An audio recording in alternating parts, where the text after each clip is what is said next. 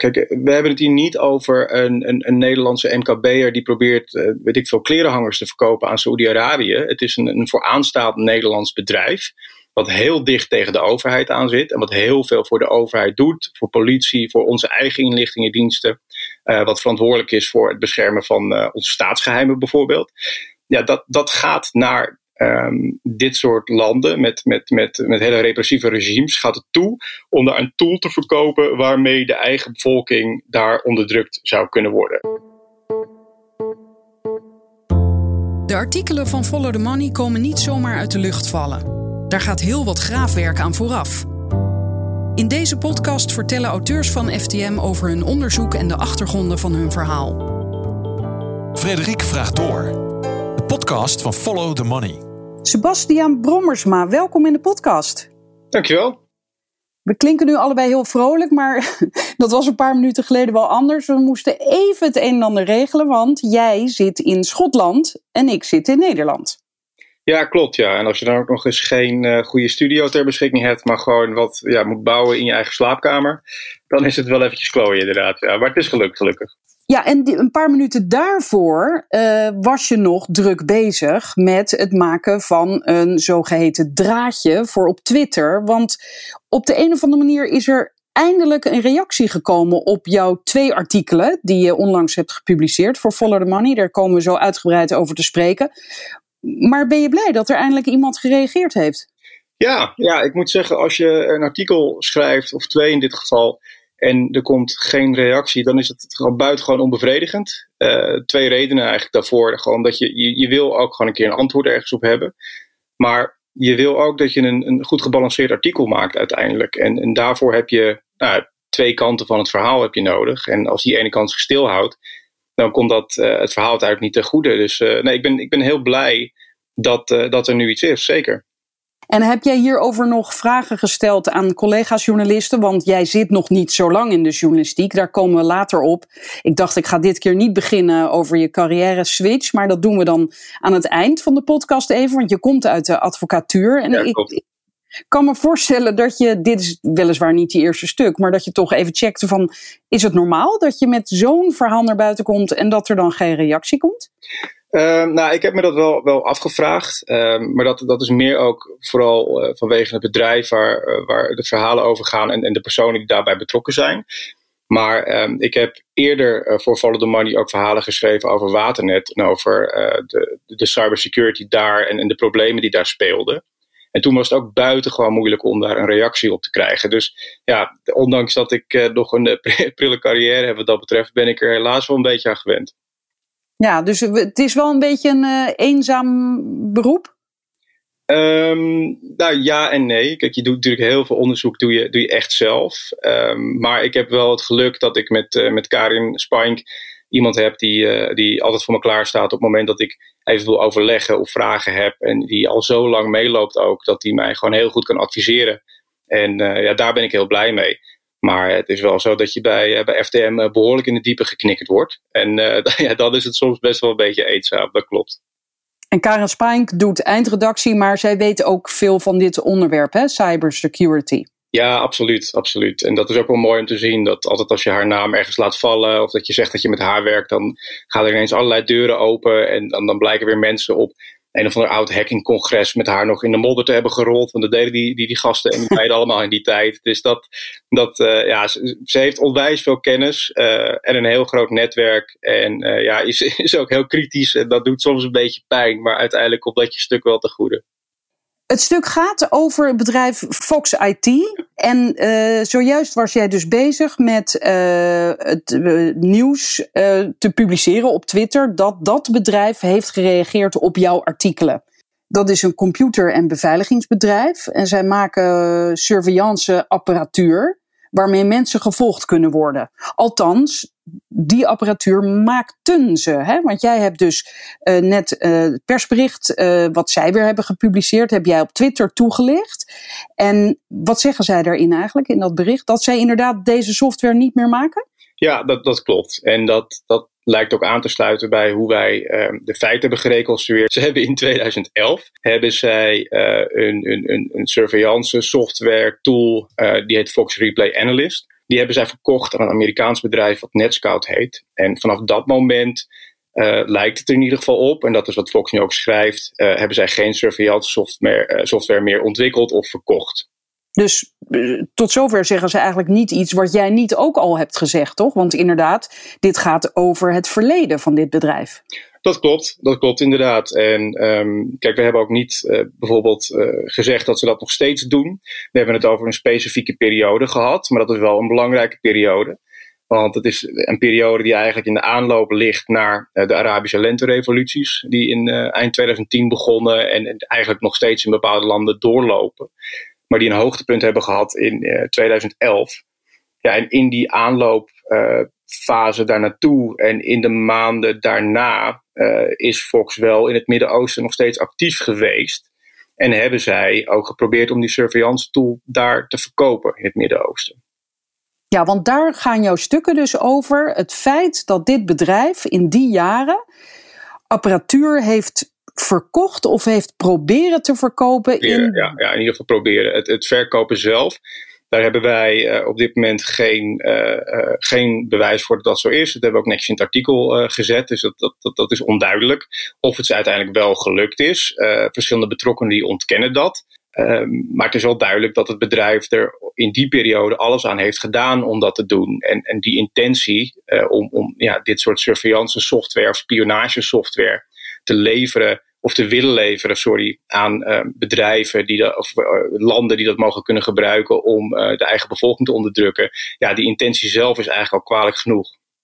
Ja, want ik wilde nu even voor de duidelijkheid vragen: waarom is dit erg? Maar het gaat dus inderdaad om software waarmee regimes hun eigen bevolking kunnen volgen, bijvoorbeeld. Ja, klopt. En dat kan behoorlijk ver gaan. Als je zelf ook de brochures van Fox IT uit die tijd zelf leest dan, uh, ja, dan ze er eigenlijk gewoon mee dat je uh, een doelwit, een target, en dat is, dat is een mens, hè, dat moet je niet vergeten, tot 100% uh, eh, nauwkeurig kunt volgen. Dus je, je kunt het internetverkeer, wat is afgetapt, dat kun je heel nauwgezet doorzoeken. Dat kun je doen met behulp van bepaalde steekwoorden bijvoorbeeld. Maar dan kun je nou, de communicatie van één persoon kun je onderscheppen. je kunt bestanden die die persoon via, via, e-mail verstuurt, ook als hij die in een, in een Word-document of in een zip-file of andere documenten uh, doet, daar kun je gewoon doorheen. Dus je kunt de hele communicatie van zo'n persoon kun je, kun je doorlichten. En op zo'n manier dat een, een analist die die tool gebruikt, zo omschrijft een bron tenminste aan ons ook, Um, ja, die, die, die, die ziet eigenlijk een replay van het dataverkeer van die target. Dus je moet het zo zien dat jij in je webbrowser iets aan het doen bent. En je bent bijvoorbeeld je e-mail aan het checken. Je opent je e-mail, je opent je bijlagen. Nou, dat wordt allemaal opgenomen en afgetapt. En vervolgens wordt die tool ingezet om dat helemaal opnieuw af te spelen. Dus je moet het eigenlijk zo zien dat er iemand over jouw schouder, uh, bijna in real time, uh, zit mee te kijken naar de activiteiten op jouw scherm. Nou, dat klinkt behoorlijk uh, intrusive, vind ik zelf. Ja, nou, in ieder geval het feit dat dit bestaat, dat men al zover is. En kennelijk zijn er bedrijven, want ik neem aan dat dit niet het enige bedrijf is dat dit soort eh, spyware maakt en verkoopt. Nee, nee, nee, zeker niet. Zeker niet. En ook niet in die tijd. Uh, er zijn behoorlijk wat uh, bedrijven die uh, in die periode actief waren, met name in het Midden-Oosten en dan vooral Syrië en Egypte. maar Libië ook, van Gaddafi bijvoorbeeld. Uh, dus wel de, de, de, de, zwaardere dictatoriale regimes die maakten echt uh, gebruik van dit soort software en waren er heel naarstig naar op zoek om dat, om dat te krijgen. Om ja, de greep op de bevolking en de oppositie en dergelijke te, te versterken. En uh, Fox was daar zeker niet de, de enige van die zo'n tool had. Er zijn ook bedrijven uit Italië met name, Area en RS, RCS, die zich daar ook mee bezig hielden. en die hebben uiteindelijk ook een tik op de vingers gekregen Um, en het, het, interessante is, of het opvallende Van wie hebben ze dat gekregen? Nou, Area bijvoorbeeld heeft een tik op de vingers gehad in de VS. Die hebben een boete gekregen van 100.000 dollar destijds, omdat zij met hun activiteiten in Syrië, dus uh, het opbouwen van een, een, een surveillance systeem in Syrië, um, daar, eh, met, met die activiteit hebben ze een handelsembargo van Amerikanen overtreden. En daar hebben ze uiteindelijk een boete voor gekregen. Um, en daarnaast zijn er ook in eigen land, in Italië, is er een inval geweest in het kantoor in Milaan.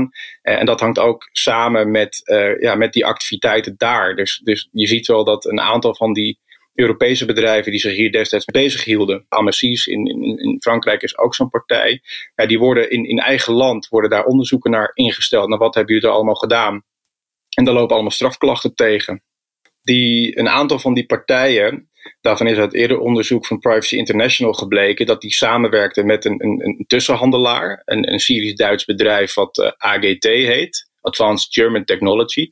En die partij, dat is in, uh, tussen 2007 en, en tot ja, na 2011 is dat een uh, handelspartner geweest, een belangrijke handelspartner van Fox in het Midden-Oosten. Kijk, we hebben het hier niet over een, een, een Nederlandse MKB'er die probeert, uh, weet ik veel, klerenhangers te verkopen aan Saoedi-Arabië. Het is een, een vooraanstaand Nederlands bedrijf wat heel dicht tegen de overheid aan zit en wat heel veel voor de overheid doet, voor politie, voor onze eigen inlichtingendiensten, wat verantwoordelijk is voor het beschermen van uh, onze staatsgeheimen bijvoorbeeld. Ja, dat, dat gaat naar um, dit soort landen met, met, met, met hele repressieve regimes gaat het toe om daar een tool te verkopen waarmee de eigen bevolking daar onderdrukt zou kunnen worden. Ja, ik denk dat je daar in ieder geval wel je vragen bij mag hebben van jongens, waarom hebben jullie dat gedaan? En maar die vraag die blijft tot op heden uh, nog steeds onbeantwoord door, door alle betrokkenen. Nou, bijna alle, want je hebt dus een reactie gekregen van Fox IT.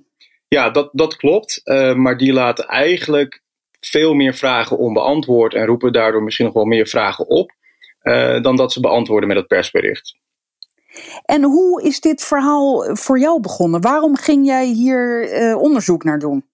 Nou, dit verhaal is eigenlijk begonnen bij um, uh, de mannen en vrouwen van Bureau Jansen. En dat is een onderzoeksbureau um, wat, wat eigenlijk is voortgekomen uit een soort van krakerscollectief, zo zou je het bijna kunnen zeggen. Um, die houden zich bezig met, met misstanden in, in Nederland en in Europa in bredere zin. Dus burgers die problemen hebben met overheden of grote bedrijven, die kunnen zich daar melden en dan kan daar een onderzoek naar worden ingesteld. Uh, en een van de onderzoeken die zij hebben inge, uh, die zij zijn gestart, is naar Fox IT geweest. En zij hebben verschillende WOP-verzoeken gedaan. Um, ze hebben uh, op allerlei andere manieren ook nog aanvullende documentatie gekregen over de handel en wandel van Fox IT. Um, zowel in het Midden-Oosten als ook in Rusland. en ook over de banden van Fox IT met de overheid. En die stukken die bleven eigenlijk een beetje liggen. Um, er zijn dan een heleboel. Ja, heel even. Want inderdaad, een WOP-verzoek, een beroep op de wet openbaarheid van bestuur, dat kon dus kennelijk omdat uh, Fox IT samenwerkte met de overheid. Ja. Want, want je, je kan geen WOP doen naar uh, bedrijfsgeheimen, zogezegd. Nee, dat, dat, dat klopt inderdaad. En wat ik net zei, um, Fox zit heel dicht op de overheid. Um, al, al jaren, uh, doet ontzettend veel en is ook kwalitatief een heel goed bedrijf. Da daar, daar bestaat ook helemaal geen misverstand over. Uh, wat ze doen, dat doen ze ontzettend goed. Uh, maar bij een aantal dingen die hier in het verleden hebben plaatsgevonden, mag je wel je vraagtekens hebben.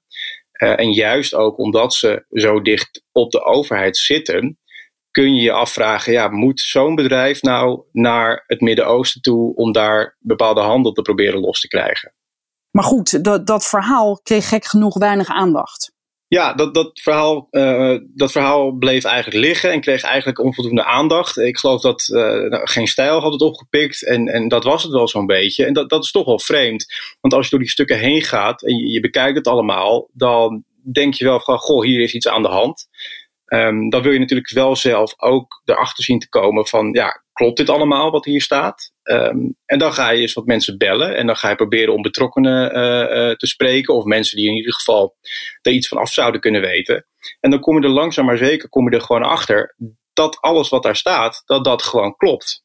Ja, en dan uh, probeer je verder te gaan. Van wat, wat, wat, is er dan nog meer voorgevallen? En hoe zat dit dan? Uh, hoe werkt dit? Uh, wie waren daarbij betrokken? Wie nam uiteindelijk de beslissing om naar het Midden-Oosten te gaan? Dat je dat soort vragen komen er allemaal op. En die probeer je dan met behulp van eigen onderzoek probeer je die, die beantwoord te krijgen. Maar had jij destijds dat verhaal ook meegekregen of niet? Nee, nee, ik moet eerlijk zeggen van niet. Um, toen hield ik me nog niet per se met dit soort onderwerpen bezig. Uh, Karin was het wel al op, opgevallen.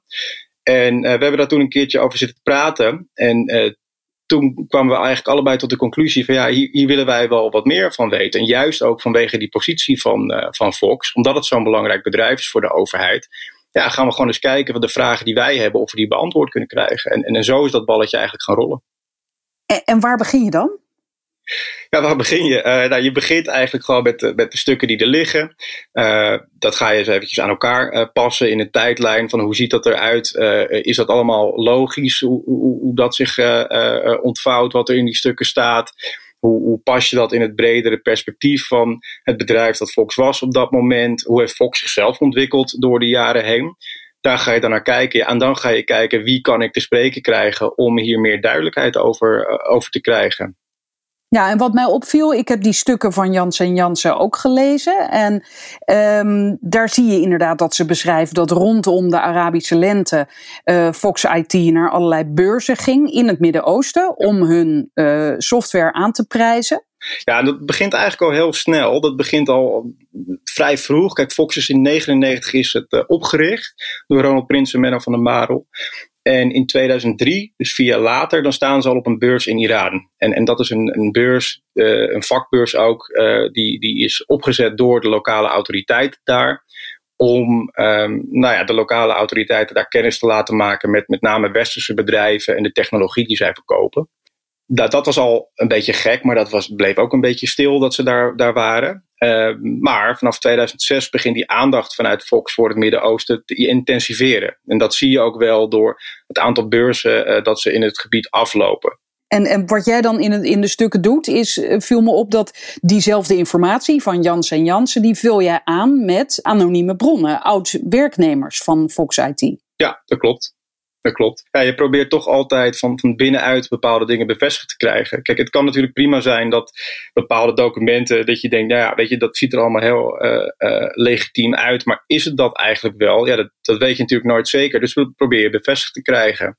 En door middel van die interne bronnen, ja, kreeg ik die bevestiging ook steeds. En, en eigenlijk voor alles. En als je mensen dan ook op, op, de, op de persoon afvraagt van, joh, staat er iets wat niet klopt? Ja, dan krijg je alleen maar terug uh, over het stuk van Jans en Jans. Van ja, misschien is de intonatie niet helemaal goed. Maar feitelijk ja, valt er dus niks op af te dingen. En nou ja, dan probeer je meer duidelijkheid te krijgen over uh, hoe zit dat dan? Hoe moet je bepaalde e-mails bijvoorbeeld, in welke context moet je die lezen? Uh, wat ging daar aan vooraf? Wie waren daarbij betrokken? En ja, wie, wie nam de, wie, bij wie lag de eindverantwoordelijkheid hiervoor? En welke intonatie bedoelen ze dan, denk je? Nou, er waren wat mensen die vonden dat uh, wellicht wat suggestief de manier waarop uh, Jans het had opgeschreven, of uh, te kort door de bocht, of dat er geen kans was voor, voor wederhoor. Dus dat waren een beetje dat soort grieven die mensen hadden.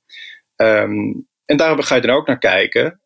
Van, is dat zo? Hoe is dat opgeschreven? Wat vind ik daar zelf eigenlijk van? En dan probeer je met behulp van het, nou ja, het, het, houden van wederhoor en het spreken van andere mensen, probeer je daar een betere balans in te vinden. Um, en het zo feitelijk en, en, en accuraat mogelijk op te schrijven. En, en waar vond jij die mensen? Ja, ja daar, daar, daar heb ik zo middelen voor.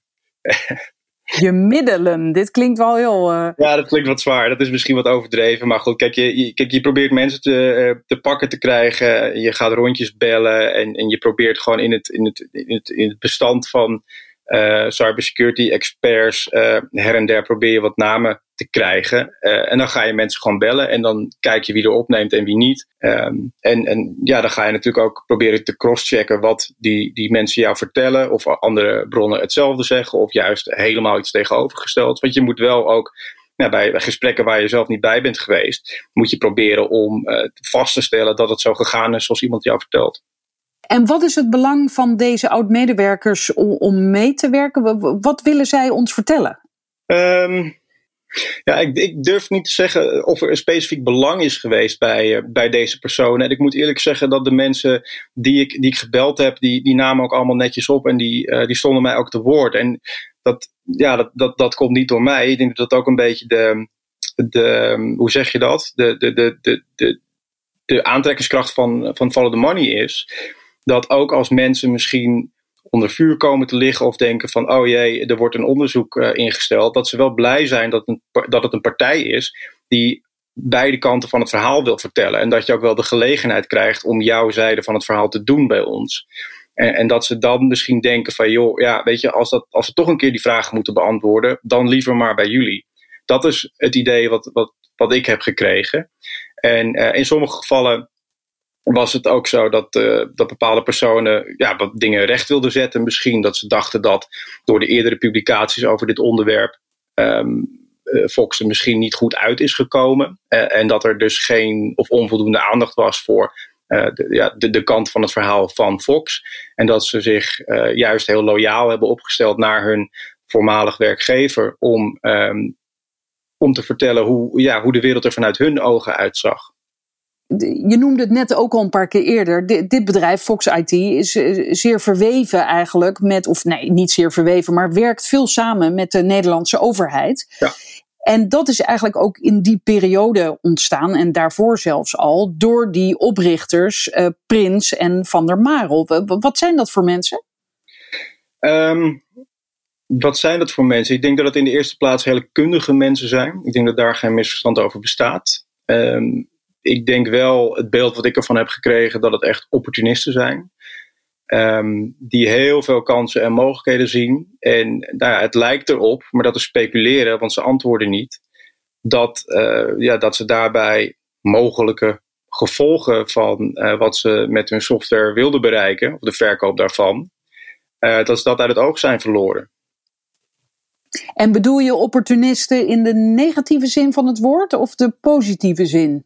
Ja, ik denk beide uiteindelijk. Kijk, ze hebben met, met Fox uh, hebben ze gewoon een fantastisch bedrijf neergezet. Als je kijkt naar, naar de klantenkring in binnen- en buitenland, dan hebben ze het gewoon waanzinnig goed gedaan. Um, daar twijfelt ook helemaal niemand aan. En, dat lukt je ook alleen als je, als je kansen ziet. En dat begint eigenlijk al bij dat ze uh, die Fox Crypto afdeling toegekocht hebben van Philips. Dat is gewoon een gouden zet geweest. Want van daaruit ja, zaten ze aan tafel bij de overheid. En van daaruit konden ze verder gaan bouwen aan die band met de overheid. En dat ook als basis gebruiken. Is mijn beeld in ieder geval om verder Fox uh, op te bouwen en, en steeds verder uit te breiden. Ja, want jij vertelt het nu even zo en passant, maar zo zijn ze dus ooit begonnen. Hè? Ze hebben een afdeling van Philips opgekocht. En toen werden ze dus een directe partner van de overheid. Uh, ja, ja, ja, kijk, ze waren natuurlijk vier jaar eerder is het bedrijf al gestart. Dus ze hebben daarvoor ook wel dingen gedaan. Maar uh, zeg maar die, die aankoop van die technologie van, uh, van Philips Crypto, dat is wel in mijn ogen in ieder geval een soort meesterzet geweest. Daarmee, ja, kijk, kijk die, die bedrijfsgeheim worden natuurlijk ook niet zomaar weggehaald ergens. Hè? Dus als je dat binnenhaalt, dan verzeker je natuurlijk ook wel de eerst, eerstkomende jaren van, van werk. Dus dat hebben ze mooi gedaan. En je bent binnen en je kunt andere tools die je, die je ontwikkelt, die kun je op die manier ook uh, mooi presenteren bij de overheid. En wat ze dan onder andere deden was, uh, of nog steeds misschien wel, uh, het beveiligen, of nee, het, um, hoe zeg je dat? Het beveiligen van de notulen van de ministerraad. Ja, bijvoorbeeld, het, gaat echt om die, die communicatie op topniveau. Uh, dus je ziet ook wel die. Um, nou, een tijdje geleden was er, dacht iedereen dat uh, Rutte een oud Nokia-telefoontje had. Maar dat is dan zo'n Tiger-telefoon, die heel zwaar beveiligd is. En uiteindelijk is Fox daar destijds mee bezig geweest. Die heeft ervoor gezorgd dat die, die telefoons hier kunnen draaien en kunnen werken. Dus zij ja, zorgen, zorgen ervoor dat er binnen de ministerraad en op dat niveau dat er veilig kan worden gecommuniceerd. Met een Tiger-telefoon, die kende ik nog niet. Ja, dat zijn wel bekende telefoontjes hoor in die, uh, in die wereld. En die, ja, die zijn ja, nog beter beveiligd dan, uh, dan gebruikelijk. Uh, hoe dat precies werkt, dat durf ik zo eventjes niet te zeggen. Maar die maken wel dat ja, staatsmensen um, veilig kunnen, kunnen overleggen zonder dat informatie weglekt of dat er via die telefoon wordt doorgebroken naar overheidsnetwerken bijvoorbeeld.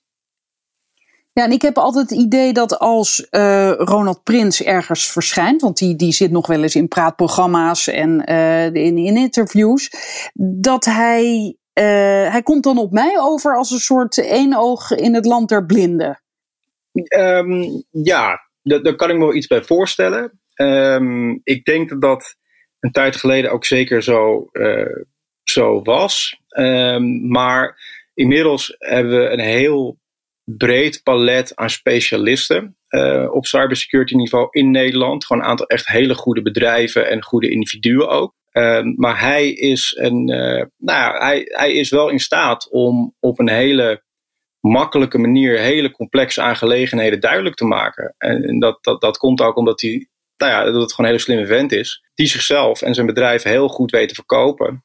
Uh, en die ook precies weet waar hij, nou ja, zo lijkt in ieder geval, waar hij moet duwen om bepaalde uh, uh, pijnpunten in, in, in cybersecurity Nederland onder de aandacht te brengen. En ja, kijk, als je dan vervolgens ook het, het, het belangrijkste of het grootste cybersecurity bedrijf in Nederland hebt, ja, dan speel je daar natuurlijk ook garen bij. Ja, en uh, kennelijk heeft hij zich onmisbaar gemaakt bij de overheid. Want hij heeft allerlei posities bekleed. Ook ja. toezichthouder van de AIVD en de MIVD. Ja. En, en je schrijft dat er wel ooit bijvoorbeeld Kamervragen zijn gesteld. over de aanwezigheid van Fox IT op die beurzen in het Midden-Oosten. Uh, maar die werden ook zo'n beetje afgedaan door de toenmalige minister. met. Uh, nou, zo'n vaart loopt het allemaal niet. We moeten wel scherp blijven. Nou, bla bla bla, zoiets. Ja, dat klopt wel. Dat, dat is wel, ja, dat is wel redelijk uh, teleurstellend wat mij betreft hoe die beantwoording van die vragen destijds gegaan is. Um, want je ziet dat er zeker op dat moment dat er nog onvoldoende begrip was van wat die technologie allemaal deed, kon en wat er eigenlijk allemaal was in dat hele spectrum. Want het begon eigenlijk met een vraag van, joh, uh, wordt er, wordt er filtertechniek of surveillance techniek, wordt dat, uh, of technologie, wordt dat verkocht in het Midden-Oosten? En vervolgens werd de vraag uh, eigenlijk een beetje beantwoord met, nou, in ieder geval geen filtertechnologie, punt. Dus die hele surveillance technologie, dat deel, dat viel helemaal buiten de, de beantwoording van de, van de vragen. En wat je, en dat is natuurlijk het relevante deel als je kijkt naar, naar hoe het dossier er nu bij ligt, dat het juist om die surveillance technologie ging destijds. Ja, en dat was een van de punten waardoor ik kom op dat beeld van één oog die koning is in het land der blinden. Dat de overheid, ja, dat is altijd een beetje vreemd om dat zo te zeggen, de ja, hele overheid. Ja, ja. Maar dat ze eh, te weinig weten om hier echt grip op te krijgen. En, en dus heel veel accepteren misschien. Ja, dat, dat, dat zou heel goed kunnen. Um, ik denk dat je daar wel ook. Dat is moeilijk te zeggen. Kijk, ik denk dat dat heel erg een. Uh, dat de kans heel groot is dat dat een rol heeft gespeeld. Dat ze gewoon hebben gezegd van, joh, wat is dit allemaal? En dat iemand die er heel veel kennis van heeft, ja, uh, de overheid wat dat betreft een kluitje in het riet heeft kunnen sturen. Maar je ziet ook wel dat de overheid zich op dat moment heel erg ontvankelijk heeft opgesteld. Dus die hebben die Kamervragen eigenlijk één op één doorgeschoven naar Fox. Uh, zo van, jongens, willen jullie dit voor ons beantwoorden alsjeblieft? Nou, er zijn antwoorden gekomen. Uh, intern. Vervolgens heeft de minister en uh, staatssecretaris Bleker destijds, die hebben wat antwoorden op papier gezet. En die hebben die antwoorden ook nog eens even twee keer ter goedkeuring voorgelegd aan Fox. Dus ja, de overheid heeft zich wat dat betreft ook volledig laten souffleren door Fox IT. En dat, dat zie je ook in, uh, dat blijkt ook uit een onderzoek van, van Bureau Jans, wat ze daarnaar hebben gedaan.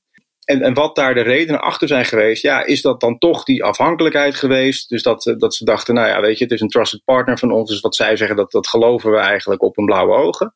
Of dat ze werkelijk geen idee hebben gehad over wat zich daar nou werkelijk heeft afgespeeld. Dat blijft gissen. Ja, Oké, en in, in dat jaar van toen die Kamervragen werden gesteld, in 2011, toen kwam ook een artikel in Vrij Nederland over Fox IT. Hè? En dat is dan weer geschreven door Harry Lensink, die binnenkort ook terugkomt. Of terug, niet ook, maar die terugkomt naar Follow the Money. Um, maar daarin zegt, uh, dat vond ik ook opmerkelijk, daarin zegt Prins, en daar uh, ligt hij misschien een tipje van de sluier op, van ja, we zijn in midden, zeker in het Midden-Oosten geweest. We hebben workshops gegeven, we hebben onze software aan de man gebracht.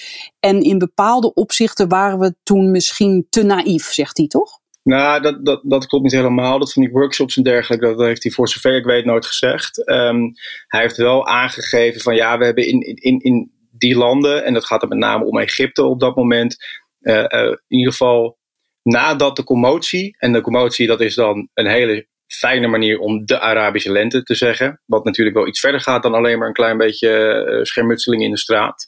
Um, hebben we in ieder geval geen zaken meer gedaan. En hij zegt daar vlak daarvoor ook dat we in theorie wel zaken hadden kunnen doen met de, um, met de Egyptische geheime dienst. Dus het blijft allemaal heel, uh, heel ambigu en het blijft een beetje ontwijkende antwoorden. Als het dan altijd wordt gevraagd van ja, heb je aan deze en deze landen geleverd, dan wordt het altijd ja, oh god, eh, geheimhouding en we kunnen daar niet over, over praten, want we bestaan bij de gratie van geheimhouding. Of nee, we leveren niet aan, uh, um, aan repressieve regimes. Uh, of, en dat is een hele opvallende als je kijkt naar de gang van zaken in dit dossier, is dat hij zegt, ja, wij zijn wel benaderd door bijvoorbeeld een Egypte en Syrië, maar als die bellen, ja, dan gooien we altijd resoluut de haak erop. Dat is feitelijk hoe hij het zegt. Nou ja, als je dan gaat kijken naar wat er is gebeurd in die tijd, dan zie je gewoon dat Fox daar op eigen initiatief gewoon heen is gegaan om die surveillance software aan te gaan bieden. Nou, dat is natuurlijk wel iets anders dan dat je wordt gebeld en dat je meteen de lijn dichtgooit. Want dat heb je weer vernomen, die noem je ook van die anonieme bronnen. Um, nou ja, die bevestigen in ieder geval dat dat niet waar is. Maar eigenlijk, als je gewoon naar die stukken kijkt, dan zie je ook dat dat niet klopt. Dus wat, wat die anonieme bronnen bevestigen, is wat er uit die stukken blijkt. Namelijk, ja, Fox is daar zelf heen gegaan. Ze hebben daartoe zelf besloten. Het hoe en waarom, dat is nog steeds gissen. Uh, of ze daarbij hebben gekeken naar de potentiële risico's. Ja, dat, uh, verschillende bronnen zeggen van niet. Hè, daar werd er überhaupt niet over nagedacht. Um, en dan, um, dan, dan zie je dus dat wat die bronnen bevestigen, dat het hele verhaal van ja joh, we, we werden van alles werd aan ons gevraagd, maar dat wilden we absoluut niet. Dat, dat klopt gewoon niet. Het is, gewoon niet het gegaan is. Ze hebben gewoon echt hun best gedaan om die producten daar aan de man te brengen. Punt. En dat is niet gelukt. En een, een andere bron, een oud medewerker van notabene hun, hun handelsrelatie daar, die zegt ja, ja, ze waren te duur. Nou dan is het dus meer gelukt dan wij zeiden dat het niet gelukt is. Maar toen was hij kennelijk nog spraakzamer dan nu, want nu zegt hij helemaal niks. Nee, maar hij heeft eigenlijk destijds, in 2011, toen waren die stukken nog niet naar buiten. Um, toen was het enige, en dat was eigenlijk pas laat, uh, later dan het eerste interview uh, van Vrij Nederland, wat, wat ook echt een heel mooi interview was overigens. Vlak daarna kwamen die Wikileaks naar buiten over de spy files. En daar zat Fox Replay ook ineens tussen. Toen werden er voor het eerst echt nou ja, wat, wat nadrukkelijke vragen gesteld over: joh, jongens, hoe zit dit nou eigenlijk? Maar toen die publicatie van, van Bureau Jansen kwam, dus met de stukken waar wij ook naar verwijzen, ja, toen is er eigenlijk helemaal geen reactie gekomen. Fox deed, zelf in eerste instantie alsof ze antwoord gingen geven, maar dat kwam er uiteindelijk niet van. Prins heeft ook niet gereageerd naar Bureau Jansen toe. Uh, toen Bits of Freedom vragen heeft gesteld naar aanleiding van die, uh, zijn benoeming later uh, tot toezichthouder bij de toetsingscommissie inzetbevoegdheden, waarbij dus toezicht wordt gehouden op de NIVD en de IVD. Toen heeft Bits of Freedom vragen gesteld van joh, uh, Ronald Prins, kun je uitleggen hoe dit nou precies zit met, met jouw achtergrond en dat jij daar nu ineens gaat zitten om, om daar toezicht op te houden. En toen heeft hij eigenlijk op Twitter alleen maar geantwoord door te verwijzen naar een interview uit 2011, namelijk dat Vrij Nederland interview. Maar daar, dat ging helemaal niet over deze stukken. Daar werden wel vragen gesteld over, jongens, wat, wat, wat doen jullie daar en wat deden jullie op die beurs? Maar over de inhoud van die stukken is destijds helemaal niet gepraat. Dus als je ja, goed, eh, goed beschouwt, heeft die uh, bureau Jansen geen antwoord gegeven. Hij heeft Bits of Freedom geen antwoord gegeven. En hij heeft ons nu geen antwoord gegeven. En ondertussen heeft hij al een tijd geleden het bedrijf uh, verkocht voor, wat is het, 120 miljoen of zo? Ja, 133 miljoen meen ik. En uh, hij was uh, nu niet beschikbaar, want hij is uh, kennelijk op vakantie. Maar hij zat wel in een podcast over media, was hij te gast. ja, die podcast die is volgens mij wel eerder opgenomen. Um, die is. ja, een week eerder. Maar we hebben, we hebben hem vraag gesteld op de maandag. En toen drieënhalve dag later, eh, toen de deadline om te reageren ook al lang en breed voorbij was, kregen wij een reactie van een medewerker van hem dat hij op zee zou zitten. En dat hij daarom niet kon reageren. Maar ja, ondertussen stond zijn Twitterfeed wel vol met allerlei uh, verhalen. Dus dat, ja, dan snap ik niet waarom je ook niet eventjes uh, ons een bericht kunt sturen. Of in ieder geval eerder kunt laten weten, jongens, ik ben niet beschikbaar of ik kan er nu niet bij. Ik kom er later bij op terug. Maar dat is het gewoon niet. Het is gewoon nou, het lukt me niet. Punt. Dag. Ja, en het lastige is, iemand die niet reageert, die laat toch altijd een beetje een verdenking op zich. Ja, um, ik, ik, denk dat je daar wel voorzichtig moet zijn. Maar juist ook omdat ik net schetste dat hij en bureau Jansen heeft laten hangen, niks heeft gezegd op Bits of Freedom inhoudelijk. En nu ook bij ons weer niet. Ja, dan, dan is het al de derde keer dat hij geen antwoord geeft. Um, plus de manier waarop dit nu gaat, vind ik ja, toch wel vreemd. Hè? Je, je kunt kennelijk niet, uh, niet reageren, maar je kunt wel uh, op internet. Dus dan zou je volgens mij ook gewoon kunnen mailen, ons bijvoorbeeld. Dus dat is raar. Um, maar ik vind het vooral dat als je, als je dan toezichthouder bent geweest voor onze belangrijkste veiligheidsdiensten, ja, dan heb je ook wel een verantwoordelijkheid om dan antwoord te geven. En misschien zijn er ook wel gewoon hele legitieme antwoorden waarom dit gebeurd is. Ik kan ze niet bedenken, maar misschien zijn ze er. Maar die komen gewoon nooit. En dat vind ik, als je zo'n positie hebt bekleed, uh, vind ik heel raar. En wie zou hier verder nog iets mee moeten? Eh, zouden er bijvoorbeeld weer kamervragen moeten komen, vind jij? Ja, ik vind dat wel. Ik vind dat wel. Kijk, um, je zou Kijk, het, het, is een tijd geleden. Eh, het zou dus prima kunnen zijn dat, uh, dat Ronald Prins en dat mensen bij Fox IT, dat het echt heel anders gaat. Dat is wat, wat, uh, wat de managing director van Fox IT vandaag ook aan ons gemeld heeft. Van joh, we doen het heel anders dan tien jaar geleden. We hebben nu een nieuwe directie, dus dat benadrukken ze ook. Um, dat het daar nu heel anders gaat, dat kan. maar dat is wel goed om dat in ieder geval te controleren. Zeker ook gezien de vragen die Fox zelf laat bestaan. Maar daar komt bij dat um, ja, een, een, huidige lid van die TIB, van die uh, toezichthouder op de AIVD en de MIVD, Bert Hubert, die heeft Fox Replay bedacht. En die is uiteindelijk in 2011, um, ehm, nee sorry, in, in, 2009, 2010, ja in 2011 ook, is hij naar die beurs gegaan in het Midden-Oosten. En in 2009, 2010 heeft die Fox Replay daar ook staan presenteren voor uh, nou, een beurs die echt specifiek gericht is op inlichtingen, veiligheidsdiensten en overheden in het Midden-Oosten. Dus er zit nog steeds iemand die daarmee te maken heeft gehad. Ja, dat lijkt mij nogal wie dus. Dat je dan eens een keer vragen gaat stellen van joh, kun je hier nu een keertje antwoord op geven? Want als de media je vragen eh, om een antwoord te geven, dan doet je, doe je dat blijkbaar niet. Want deze Bert Hubert heeft jou ook geen antwoord gegeven? Of heb jij hem geen vragen gesteld? Nee, nee, nee zeker. Die heeft ook vragen gehad. We hebben uiteindelijk hebben we Fox uit die vraag gesteld. Nou, die hebben nu uh, een week later hebben ze dit, uh, hebben ze dit bericht uh, naar ons verzonden. Dan hebben we Ronald Prins vragen gesteld. We hebben Menno van der Marel hebben vragen gesteld. En we hebben Bert Hubert hebben vragen gesteld. En geen van de vier heeft voor vandaag antwoord gegeven. En Fox nu dan vandaag dus wel. Nou, Sebastiaan, mooie boel. Was het niet iets relaxter om advocaat te zijn? um, nou, relaxter weet ik niet. Ehm, ik denk wel dat, dat, dat ik dit wel heel erg leuk vind, vind om te doen. advocatuur was ook heel erg leuk, maar dit is.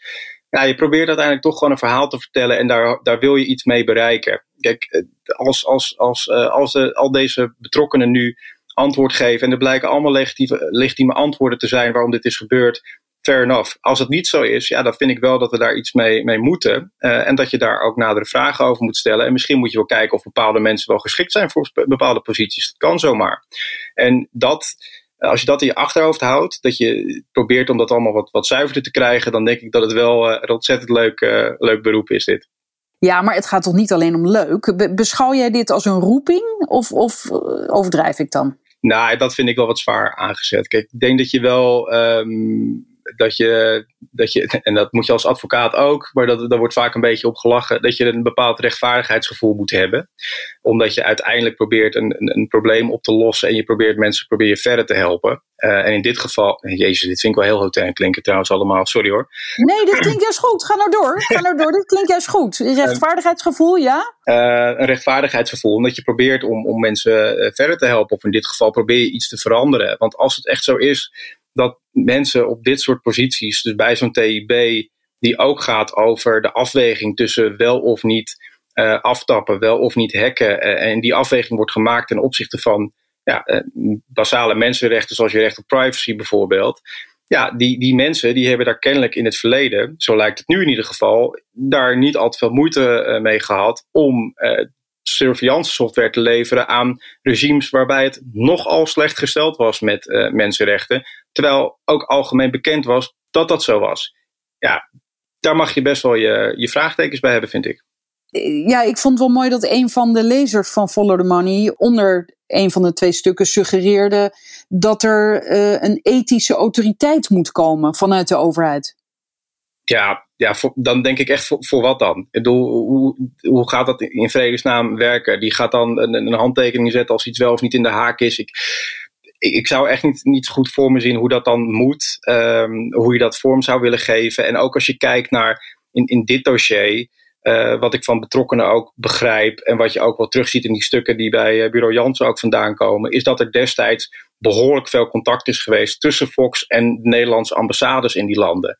Ja, kijk, als, als die dwarsverbanden er zijn. En ook als Fox zo dicht op schoot zit bij de overheid ja, wie, wat gaat zo'n autoriteit dan doen? Gaat hij dan uh, mensen overrulen of zo? Ja, ik, ik, zie daar echt, ik zie dat niet, hoe dat moet. Ik denk dat je echt, ja, je moet uiteindelijk moet je gewoon naar, naar goede wetgeving, die heel duidelijk laat zien wat er wel en, en wat er niet kan. En daarnaast moet je gewoon kijken naar je eigen verantwoordelijkheid. Want je hebt die juridische waarheid, um, je, je moet je houden aan de wet, zeker. Maar die wet is, ja, die verontschuldigt je niet voor je eigen verantwoordelijkheid, je morele verantwoordelijkheid.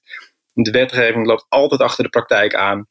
En ook op het moment dat eventjes nog wel iets, iets, iets, iets zou mogen, wettelijk gezien, moet je je gewoon zeker met dit soort producten af blijven vragen.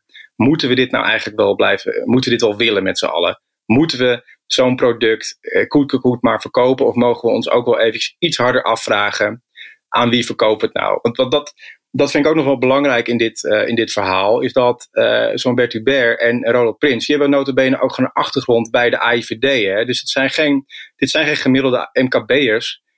Als jij en ik iets daar zouden willen proberen te verkopen, ja, Allah, misschien kun je dan zeggen, oh, ik dacht dat Egypte een heel fijn vakantieland was. Maar als je gewoon bij de veiligheidsdiensten hebt gezeten en, en zoals Ronald Prins in 2011 tegen Vrij Nederland zegt, ja, ik kom daar eigenlijk nog wekelijks over de vloer ja, dat je, dan, dan gaat die hele naïviteitskaart, die gaat wat mij betreft echt niet op. Dankjewel, Sebastiaan. Graag gedaan. ja, je klinkt nu heel verbaasd dat het opeens is afgelopen. Ja, ja nee, sorry. Ik dacht misschien uh, komt er nog iets uh, nog nee. aan. Mag ik nog nee. één, één dingetje toevoegen? Want je vroeg aan mij van hoe kom je aan je bronnen en zo. Ja. En um, nou, wat betreft bron heb ik ook heel goed samengewerkt met uh, Rena Netjes. Uh, Rena Netjes is een uh, Arabist en een, journalist die al, nou, weet ik hoe lang in het Midden-Oosten zit. En daar heel veel contact heeft opgedaan en heel veel connecties. En via haar ben ik ook in contact gekomen met mensen die nou, hoog in de boom hebben gezeten bij het Syrische regime. Eén echt als spion ook.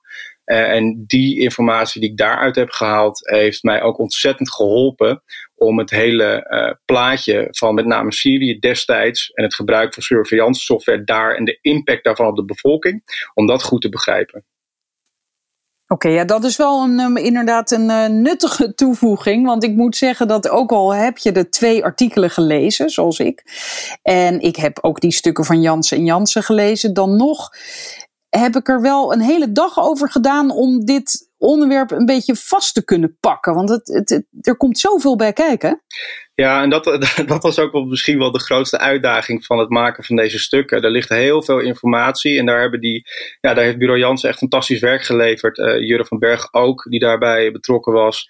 En dat, ja, dat moet je vervolgens wel allemaal. Um, je moet het allemaal meenemen, uh, zo in je hoofd als in je stuk. Want je lezer moet begrijpen waar het allemaal vandaan komt. Maar je moet zelf ook goed je gedachten kunnen vormen en ja, het, hele, het, het, hele plaatje wat dat betreft overzien. Uh, en dan dreigt het echt een heel dens stuk te worden. Gewoon heel veel informatie. En daardoor wordt het misschien ook een beetje droog. Uh, en dan is het heel fijn dat je kunt samenwerken ook met iemand als Karin om uh, te zorgen dat de tekst gewoon mooi, snel uh, en snel blijft. En dat mensen ook weten wat ze moeten weten en dat je bepaalde informatie misschien ook een beetje kunt verhuizen. Maar ik denk wel dat dit een stuk is waar de allermeeste plusjes in zitten die ik ooit heb, ooit heb geschreven. Ja, en plusjes zijn dan de, waar je op kunt klikken voor meer uitleg. Hè? Ja, ja, ja, het is op een gegeven moment is het bijna een soort wandelend plusje geworden. Maar, maar ja, dat is wel nuttig, denk ik. En uh, het voegt ook echt iets, uh, iets toe, omdat er veel punten zijn die echt wel achtergrond uh, behoeven. Ja, dit is een beter einde. Oké, okay, dankjewel. Graag gedaan. Tot zover deze aflevering van Frederik Vraagt Door. Wil je meer horen en lezen? Ga naar ftm.nl en krijg onze maand op proef.